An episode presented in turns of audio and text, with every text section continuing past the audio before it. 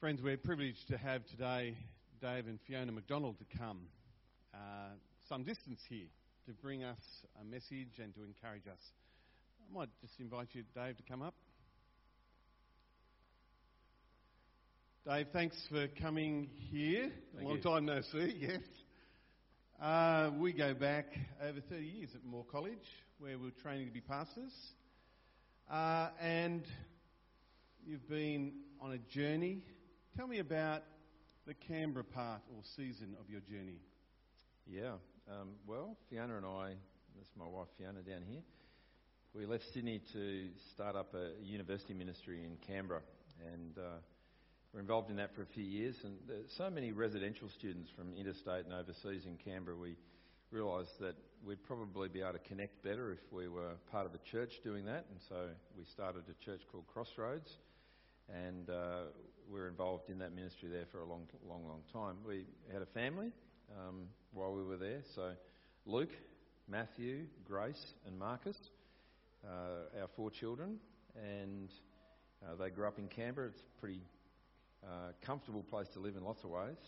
Um, and uh, we were very grateful to God for the, the way that He looked after us and the opportunities that He gave us to serve Him there. And uh, that was, what, 28 years or so? Yeah, we've yeah we've been there for 28 years. Yeah. And then there's the Darwin season. Tell me about well, yeah, there was the supposed to be Darwin season. we um, after, after we'd been there for a while, we we re- kind of reflected on where we were at and the needs that there were in other parts of Australia. And uh, my wife had been working in Indigenous health uh, with uh, the Aboriginal community in Canberra. It's quite a substantial community that most people don't realise. Uh, and we'd been receiving newsletters from people who are working in Arnhem Land and uh, in the Northern Territory saying, please come. Like, we, we need people to be involved up here. It's, it's remote um, and isolated. The, the temperatures are harsh, uh, very um, constant flow through of people, very difficult environment in which to be involved in Christian ministry. And we just felt that uh, this was where God would have us. And so we, we, uh, we took steps to gather people together into a community to start a church. And um, we, uh, well, we, we bought a house in Palmerston, just to the south of Darwin. We enrolled the kids in school, and Fiona got a job up there. We shipped all our belongings up, and we were, we were going to follow them uh, a week or so later. And uh, in that time, uh, I ended up in hospital. And I thought it was something minor, but it turned out to, to be stage four lung cancer. And I was told that I probably wouldn't see out the following year. And so we put all those plans uh, not on hold. We actually we had to turn everything around. A strange thing, actually, we had we we put all our stuff in, in two shipping containers, and the removalists came and they picked up all that stuff. And then about seven weeks later, the same removalists brought it back to our house and unloaded it. And they said they'd never done that before. Um, and uh, yeah, we, obviously that's not what God had planned for us. So, And how long ago was this? uh, that was December 2011. Um, Right. So it's good to still be here uh, in my seventh year after that um, terminal cancer diagnosis, and uh, I, yeah, I continue to marvel that God's preserved me. Mm. Wow. And how many other people get preserved with this that you know of? Uh, look, one of the things that uh, I I think it's both a help and a hindrance um, in medical stuff and particularly cancer. And I kind of bought right into this. I remember saying to my doctor at the time, "So what's the prognosis?" And he said, "Well, there's there's no cure for this type of cancer. Uh, so how long will I live?" And he, he told me a length of time. Now he's basing basing that on scientific evidence on statistics, on what's happened beforehand.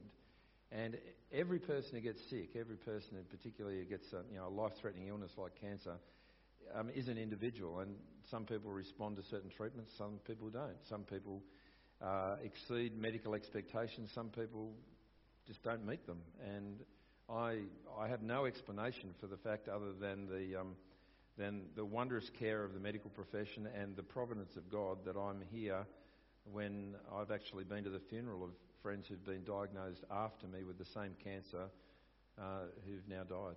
Wow. And you're no longer in Canberra now. Yeah. What, tell me about what you're doing.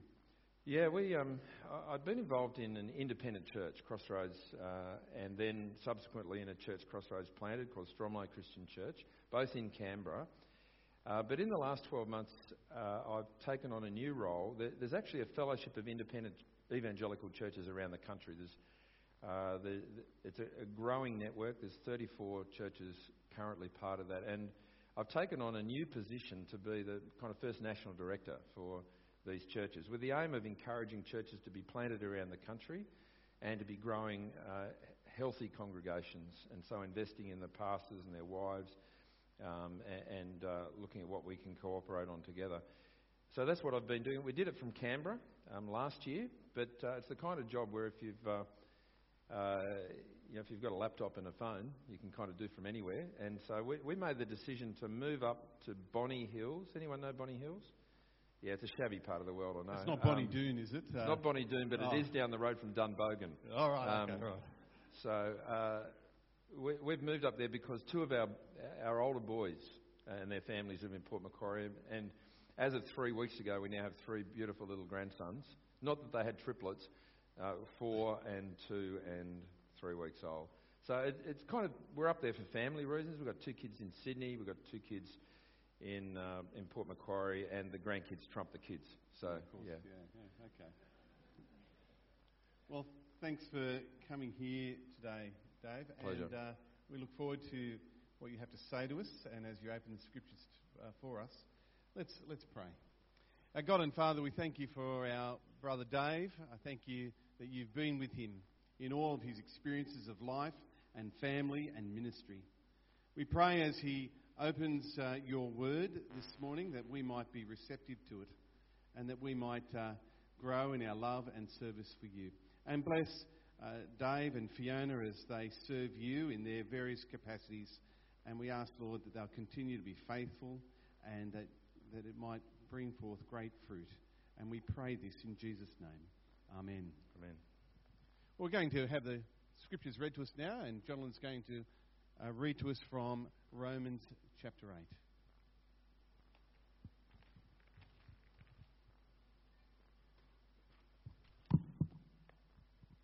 Good morning. Our Bible reading this morning is from Romans chapter 8, verses 18 to 39. It's on page 1118 of the Church Bible.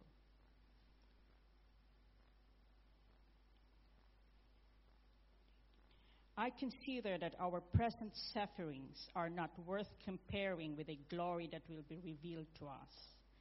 The creation waits in eager expectation for the sons of God to be revealed. For the creation was subjected to frustration, not by its own choice, but by the will of the, the one who subjected it, in hope that the creation itself will be liberated from its bondage to decay and brought into the glorious freedom of the children of God. We know that the whole creation had been groaning as in the pains of childbirth right up to the present time. Not only so, but we ourselves who have the first fruits of the Spirit groan inwardly as we wait eagerly for our adoption as sons, the redemption of our bodies. For in this hope we were saved. But hope that is seen is no hope at all. Who hopes for what he already has? But if we hope for what we do not have, yet have, we wait for it patiently. In the same way, the Spirit helps us in our weakness. We do not know what we ought to pray for, but the Spirit Himself intercedes for us with groans that words cannot express.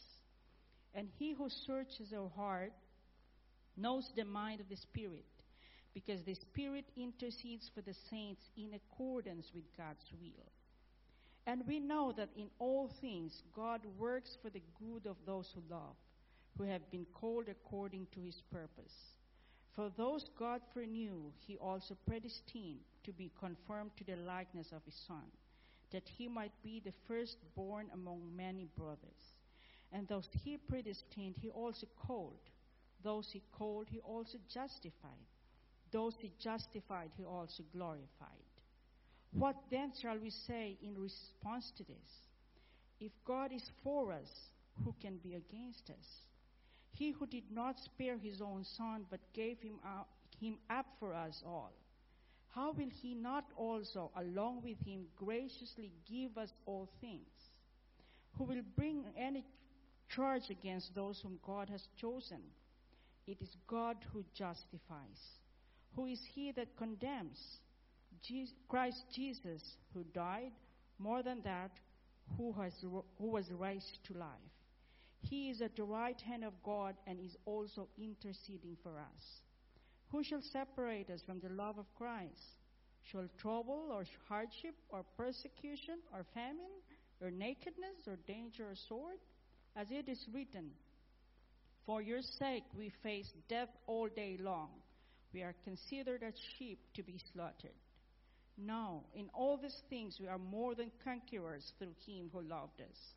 For I am convinced that neither death nor life, neither angels nor demons, neither the present nor the future, nor any powers, neither height nor depth, nor anything else on all creation will be able to separate us from the love of God that is in Christ Jesus our Lord.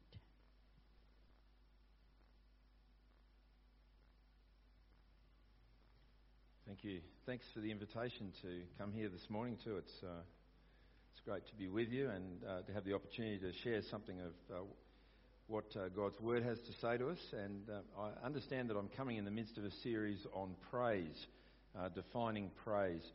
And you might be thinking, well, if he's going to talk about suffering and pain and, and cancer and stuff like that, what's that got to do with praise? And that, that's a good question, really.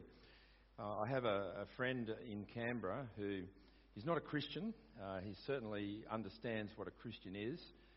Uh, he's had a lot of good friendships with other Christians, but when I was diagnosed with cancer, he, he started to watch me from a distance. Uh, he wanted to know whether uh, I was Christian because my life was going well, and whether if my life was no longer going well, I'd give it up. And it's a fair question, isn't it? Um, is my faith just a fair weather faith? You know, so if, if, uh, if I'm being blessed, if things are going terrifically, you know, I've got a, a great family, got a pretty nice dog as well, um, nice home. Uh, yes, it's easy to be Christian when things are going our way. What, what happens when they're not going our way? And this guy actually came up to me in a coffee shop and he told me, he said, I might never ever go to church, but I'm, I'm watching you. Uh, I, w- I want to know whether your faith is real. And uh, I, re- realised that um, it's a very important question. And sadly, uh, particularly mixing with people in the cancer community, and I, have had the honour of mixing with people. It really is an honour because these are people whose lives are, uh, are harsh, people who are going through really difficult times. And been able to do a few things with the Cancer Council. I remember being at a Relay for Life one time and there was a lady there who was saying that she used to believe in God until cancer uh, took the life of her sister. And she can no longer believe in a God who would do that. And uh, as we're looking at this theme of, of defining praise, is it possible to praise God when bad things happen? Um, and, is it possible to do that in a way that's not just superficial and fanciful and trite? I remember reading a book when I was a, a teenager called The Power of Praise. And it, it, really seemed like all you needed to do was say, Praise God when something bad happened, and, and that would make it all okay. Uh, does it make it all okay? Um, and it, if I reflected on some of the tough things in my life, um, it, it's almost disrespectful and ridiculous to kind of uh, apply that approach. I'll tell you about some of the things that have happened. So, um, uh, when, when we had, had just started the church uh, that were involved in starting. And it was, it was, a pretty intense year leading up to the, the starting of a new church in Canberra. And we'd moved house. We used to be uh, in a share house, and we'd had to sell our half, and we'd moved into our new house, and we'd only in there for a few weeks. And we thought we really need to get a break because Fiona was pregnant uh, with our third child, and we thought uh, that you know this is um, this is back in September, and we're thinking you know let's let's get a holiday in the, the kind of September October holidays because it's going to be a baby on the horizon in January, and so uh, let's get a rest. And, and, we're up at Emerald Beach uh, near Coffs Harbour, And uh, Fiona woke me at dawn. We're in a tent with our two little boys, and she said, We need to go to the hospital. Why is that? She said, I've been in labour through the evening. And um, I think we both thought, okay, we'll go to the hospital and they'll just, you know, check her out and everything will be okay and we'll go back to our holiday again. But no, when we were there um, and they did their checks, they said, no, the, the, the baby's going to be born today. Uh, but the, the expectation was not a happy one. Um, see, the prospects of, of a baby being born nearly three and a half months premature uh, at, at 26 weeks was 21 years ago not a good prospect.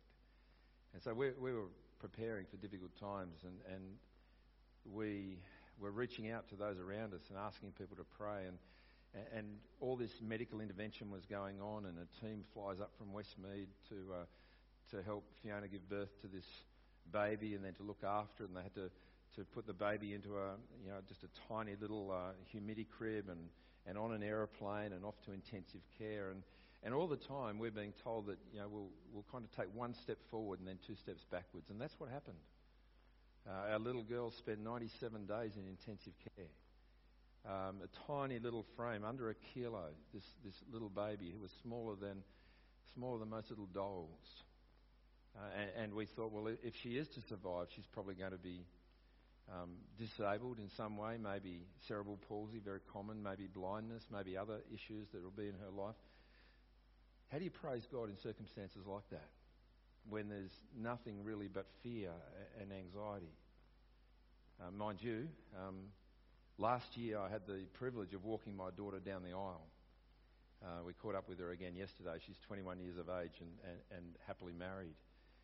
And I remember as I walked her down the aisle, the, the tears are, are welling up for me and for many other in the congregation because so many people there had prayed that she would live and that she'd survive, and they'd also prayed that I would live and that I'd survive. And so to see us coming together there was such an answer to prayer. And, and we kind of understand praise in a setting like that, don't we? Yes, we can praise God. I mean, what a wonderful answer to so many prayers. When I was uh, admitted to hospital, I'd actually been at a conference where there were 1,500 students, Christian students from around the country. And I've seen a little video clip that, that goes for 10 seconds or so of people in small groups in an auditorium sitting down and they're praying for me. And I'm moved to tears at that point to, to see the, the wonder of people asking God to save my life, and, and He's answered those prayers. And, and it's so natural to think of praising God there, but what about in the midst of that despair? And I can tell you there were times of, of, of deep despair when I'm lying in the hospital bed and, and I, am thinking I might never come out. Uh, when my body is going into shutdown, I went into hospital weighing 92 kilos, and I did come out, as you know, but weighing about 77. And that was in a period of, of three to four weeks. And everything was going downhill, and my, my body wasn't responding to the treatment, and I was in deep pain. I was having hallucinations. And I can tell you that as a pastor who has encouraged people to believe in God, who's talked about Jesus and the forgiveness of sins, about his resurrection and the hope for all eternity, I was being confronted with questions and doubts and, and, and troubles. And I was being really challenged to review my hope. So when the doctor came in and I asked him what to expect, he said, Well, there's nothing that we can do to cure you. I was told that I would probably live 10 to 13 months and that there was no radiation, there was no surgery that would be of any benefit, and chemotherapy would probably only give me some better, and this is arguable, quality of life and maybe live a little longer. But I, I imagine that most of you know something about chemotherapy, and the way a doctor described it to me is that they're going to work out how much of these drugs will kill you, and then they'll dial it back a little bit so it doesn't. So they've got to keep measuring your height and measure your weight so they give you exactly the right amount. Because if they, if they give you too much, it might well kill you. If they don't give you enough, it won't do anything. And it was a pretty horrific experience that I went through for four years of my life chemotherapy, being incredibly knocked around, sick for a week, and then recovering from the next two weeks, and then I'd do it all again. Where's God in the midst of this? Is there reason to praise Him? Of course, now here am I standing before you, and and as far as I know, there is no evidence of cancer in my body, which is absolutely extraordinary given my diagnosis. And there's reason to praise, isn't it? But it doesn't always end that way. As I said before, when Jeff was interviewing me, I've been to the funerals of people younger than me with, uh, with a lesser severe diagnosis than me who've been taken by the cancer that they've had. How do we praise God in the midst of suffering? Well, we're, we're looking at Romans chapter 8, and it's an important chapter. In fact, it's an important book. Um, God's word in the book of Romans has been so helpful to so many people over the years. And this chapter, chapter 8, I think helps us to get an understanding on how we can, in hope, turn to God in the face of suffering.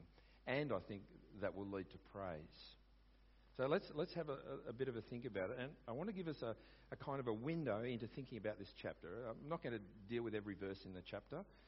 Uh, I want to give you a window into thinking about it. And there's a word that occurs three times. And it might not be a word that you'd expect me to pick up on from this chapter, but it's the word groan. There is groaning in this chapter. Uh, I'll show you where it is. So, first of all, verse 22 we know that the whole creation has been groaning as in the pains of childbirth right up to the present time. That's the first groaning. Secondly, verse 23 not only so, but we ourselves, who have the first fruits of the Spirit, he's talking about Christians, groan inwardly as we wait eagerly for our adoption to sonship, the redemption of our bodies. So there's another groaning, this time of Christians looking forward to something happening to us. And then thirdly, down in verse 26, um, in the same way, the Spirit helps us in our weakness. We do not know what we ought to pray, but the Spirit Himself intercedes for us through wordless groans. Now, I want to pick up on these three groans. Um, the first groan in this chapter is the groaning of the creation. And it, sure, it's a metaphor, but it, it actually pictures something that's profoundly important. That is, the creation is not happy. God's created this world, and sure, it's a metaphor, but this world wants things to be better. And, and we know this world's a mess, don't we? It's, it's so easy to prove that this world is a mess. And sometimes people reject God because they think, how can I possibly believe in a, in a good God who's all powerful and yet allows the messes to occur in this world? Um, and I understand that that's a, a challenging uh, proposition. You know, if, if God was all powerful, surely He'd make things better. If God was all loving, surely He wouldn't allow these things to happen to people, and yet both these things are true. Our world wants things to be better, it wants things to be put right. We look at the news um, every day, and it's the same, isn't it? There's disaster after disaster after disaster. Some of those things have got nothing to do with humanity, it seems. Um, last year, Fiona and I were staying uh, on a coastal part of Thailand. First time we've ever had a little overseas holiday together, and we were in Khao Lak uh, on the coastal part of Thailand. And it was a beautiful part of the world, and we were very well looked after. But, but we hopped on a scooter and we went to a cemetery where there was gravesite after gravesite after gravesite. Some of those people were unidentified. They'd been hit by the tsunami. There's a memorial to the tsunami that's three kilometres, or almost three kilometres inland. And there's a police boat that's there. It's a 10 plus metre police boat that was actually swept there on the wave from kilometres out to sea, three kilometres inland. And, and, there's a sculpture there of the three waves that were part of that tsunami one three metres high, one five metres high, one 10 metres high, higher than the trees, and the boat's being swept in on these waves. What hope was there for people? And we know, don't we, that tens of thousands of people were killed by a tidal wave that, that destroyed the, the, the, people and the surrounds of the Pacific Basin. How do you explain that? And yet, sometimes it's easier to explain, isn't it? Because we know the corruption, the, the, the horror of seeing children that have been impacted by chemical weapons in Syria, the, the, the, the missiles that are flying around, the crisis on the Korean Peninsula, the, uh, the threats in the South China Sea, the, the horror of what's happening in parts of South Africa. I mean, we pick on any part of this world and we know that there's a mess. And of course, bring it closer to home, we know the reality in our own lives sickness, anxiety, depression, physical illnesses, mental illnesses, breakdown of relationships, the harm that we cause one another. This world is a mess, and the world is groaning for things to be put right. And notice that the, the, the passage actually says here that, that it's been groaning as in the pains of childbirth right up to the present time. It's interesting that, that image of childbirth. It doesn't say it's been groaning as in the death throes of a dying person, because that's groaning in anticipation of despair. But when you're groaning as in the pains of childbirth, you're looking forward to something being made better. Our uh, daughter in law Sharon, just three weeks ago at, Port Macquarie Hospital, I imagine, I wasn't invited to be present, was groaning as in the pains of childbirth looking forward to a beautiful little baby called Jessie. See, looking forward to something better. See, why is all this happening? Well, it's happening because you go back to Genesis chapters 1 and 2, and God made everything perfect. But you turn the page to chapter 3, and we choose to reject God. And so we make a mess of our world, and God hands us over to that mess. And the creation itself is pointing to the fact that whilst we've been subjected to frustration. While this world is a world of decay and suffering and pain, God wants it to be better. That's the first groan. Second groaning here is the groaning of Christians. In uh, verse 23 again, not only so, but we ourselves, who have the first fruits of the Spirit, groan inwardly as we wait eagerly for our adoption to sonship, the redemption of our bodies. So the groaning in the first place points to things not being right the groaning in the second place for Christians points to the answer. That is, we groan because we are looking forward to God completing what He said He would do. Now, I just want to pause for a second and say a little bit about groaning. Uh, last year I was, yeah, I think it was last year, I was looking at the book of Exodus. And uh, in, in the book of Exodus, you've got the people of Israel, slaves in Egypt, and they're being treated appallingly.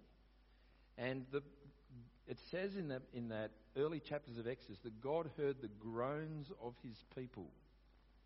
And so he rose Moses uh, to a position of leadership where he could then bring about the salvation of his people. So there's something right there about groaning, isn't there? God hears the groans. Um, those who say to us, we should we shouldn't groan. We shouldn't complain. We, we, we shouldn't cry out. Haven't read the book of Psalms. Have, you looked at the Psalms? I mean, they're great things to look at because they are prayers to God that God has given us to pray. Isn't that nice? And, and some of those Psalms start with words like, How long, O Lord, am I going to have to put up with this? Lord, where are you? Please listen to my prayer. Why are the evildoers getting away with this while I am suffering? See, there's groaning before God, and God's saying it's okay. It's okay.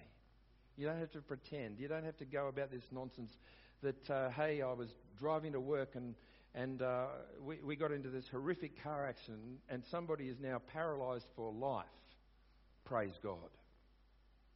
No, there's, there's not a fiction here, there's not a fantasy here. It's right to groan out to God God, why is this? As the creation groans, please make things better. But we don't groan without hope, friends. We, we look forward to the fulfillment of what God has promised. See, we have the first fruits of the Spirit. It's a spiritual thing to be able to groan to God that He might bring about the restoration that we look forward to. See, in, in Romans chapter 8, you're kind of reaching a climax. And from chapter 1 right through to chapter 8, he's been talking about his great work of acting to save people. Jesus Christ comes into our world. And Jesus gave his life on the cross so that we could live. See, we turn our back against the Creator and we deserve God's judgment, and that would be true despair. But God acts so that we need not endure his judgment. God demonstrates his love for us in this. Where do you see the, the evidence of God's love?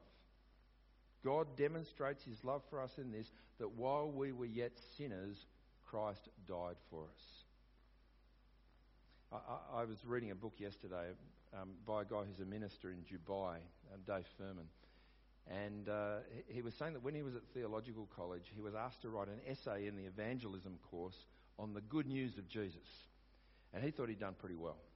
In fact, he thought he'd probably written the best essay and that he'd get an A. And he was looking forward to getting the results back, and he opened up the paper, and there at the top of the page was an F. He said he was absolutely shocked. He thought he'd written a cracker essay on the gospel, and he got an F. And, and the comment by the lecturer was, So Jesus is still dead, is he? See, he talked about the death of Jesus, but he hadn't pointed to his resurrection. And the death of Jesus forgives us for, for our sin, but Jesus didn't stay dead. God raised him to life. Jesus didn't die for his own sin, he died for ours. And so God raised him to life. God vindicated him. He didn't die for himself. God raised him to life and he's given him a position of authority that he might rule, that he might be our Lord, that he might oversee our creation, not just for now, but for all eternity, and he will return to put things right. And that is our hope, friends. Whatever we're going through, what, whatever we're suffering, whatever horrors we may be facing, we're looking forward to an eternity to come through Christ. And so we groan, and, and the Spirit within us enables us to groan that, that we might actually enjoy what God has promised. Jesus encouraged us to pray like that, didn't he? Our Father in heaven, hallowed be your name, your kingdom come. Your will be done on earth as it is in heaven. Uh, we're looking forward to things being put right. The book of Revelation, the last book in the Bible, it, it almost finishes these words Come, Lord Jesus, come. We want things to be put right. See, you're not going to solve the world's problems with politics, with, with armies, with economics, with social change. None of these things. Not medicine, not science. Bertrand Russell, that great um, atheistic philosopher over 100 years ago, said, By the end of the 20th century, we'll have solved the world's problems through science. There's a false prophet, friends. Because all we manage to do with science is get a whole heap better at creating new problems. And for every one we solve, we create a new one in its place. But Jesus will make things right. So we groan for that time. And it's not just the past, and it's not just the future. God enables us to live now. So look at the groan there in verse 26. In the same way, the Spirit helps us in our weakness. We do not know what we ought to pray for, but the Spirit Himself intercedes for us through wordless groans. Isn't that wonderful? God Himself helps us to pray. God Himself knows what we're going through. See, we don't have the big picture, do we? Um, and, and, the temptation for me lying in a hospital bed, thinking I'm dying and may not even come home, as I'm thinking I might never see my, my youngest son graduate from high school, might never walk my daughter down the aisle, might never see a, a grandchild, is to despair. To think God doesn't know what's going on, that God doesn't have my needs, that, that He's. And friends, God knows. And He helps us in our weakness, even to pray. So I, I thought I knew what God was doing, right? I thought He was sending my family to Darwin to start a new chapter in life and plant a church. But that's not what He had planned. I thought that, but I didn't know. The evidence pointed that direction, but it wasn't all the evidence. Had God said to me, Dave, I've got a plan for you. I'd like you to reach out into the cancer world. And I want people to take you seriously. So I think the best thing would be for you to get cancer so you can minister to other people with cancer. Um, let's not give you something that's uh, got a good survival rate either, by the way. Um, let's, let's, give you a, let's give you one that there's a lot of stigma associated with. Let's, let's call it lung cancer, even though I wasn't a smoker. And uh, hey, um, let's make it stage four so the prognosis would be really bad. I'd say to God, You got the wrong guy. It's Jeff Bates you're after. You see, God helps us in our weakness because He knows the big picture. And the temptation for us is to kind of play that, well, I can see the circumstances game.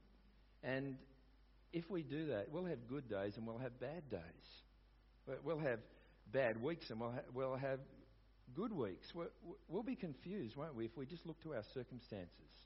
Hey, God loves me because I'm, I'm doing well. Did that mean God didn't love me when I wasn't doing so well? See, if we play that game, we'll, we'll be in no better shape than the little kid who's trying to work out whether to ask, um, you know, his friend whether she loves him, and gets a daisy and pulls the flowers off. He loves me. He loves me not. It's raining today. He doesn't love me. Or the sun's shining. Maybe he does. Where do you see the love of God? God demonstrates his love for us in this that while we were yet sinners Christ died for us. You know John 3:16, for God so loved the world. Do you know what the word so means in that verse? It doesn't mean so much. God loved the world so much. It means God loved the world so, as in this way, that he sent his son Jesus to die for us. That whoever believes in him might not perish but have everlasting life. That's what it means and no matter what comes our way. See, that's what the last part of this chapter is saying, isn't it? it, it it's, it's just giving us all these different options.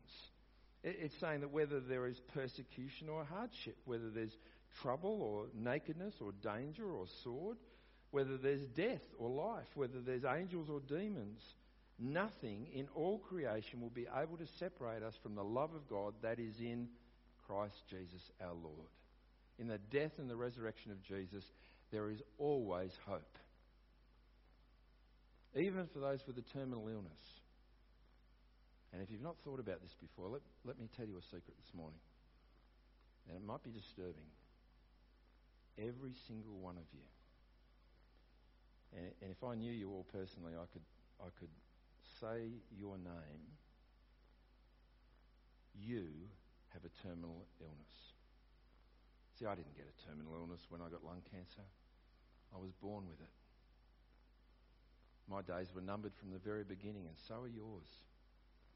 And one day, whether it's from cancer, whether it's a car accident, whether it's dying in our sleep, or whether Jesus returns first, our days will be numbered. Is there hope on that day? Is there reason to praise God for that day? Well, if you haven't already, friends, let me urge you to turn to Jesus? Because there is the basis for your hope. The only basis for your hope. Put your trust in the promises of God through Jesus. He gave his life for you. He died in your place. He took your rebellion against God upon himself and he paid the price for it. So that if you put your trust in Jesus, God will forgive you from all your sin and welcome you into his presence. And God has a place waiting for us where Jesus is Lord forever and ever. And if you don't know that hope, let me urge you to turn to God today. Today would be a great day. Don't put it off. Don't put it off. Do you think I woke up on the 2nd of December 2011 expecting to be told that I had a terminal illness? No. Friends, God loves you, and He's demonstrated His love in Jesus. That is a great reason to put your faith in Him, to trust Him. And I would urge you to do that if you haven't already. And friends, if you have, if you're a Christian, be encouraged. Because no matter what experience you will go through, whether it's height nor depth, whether it's sickness or health, whether it's prosperity or whether it's disaster, God will continue to look after you and to take you to be with Him for all eternity. And that is a wonderful message. How about we pray? Our Father, we ask that you'll turn our minds to your word. We pray that you will remind us of your goodness, your loving kindness, your power and strength, shown most clearly in the death and the resurrection of our Lord Jesus Christ. Fill our eyes with Jesus. Keep our hope in Jesus. Enable us to trust Jesus, whatever comes in this life, so that we'll enjoy the life to come with you for all eternity. Amen.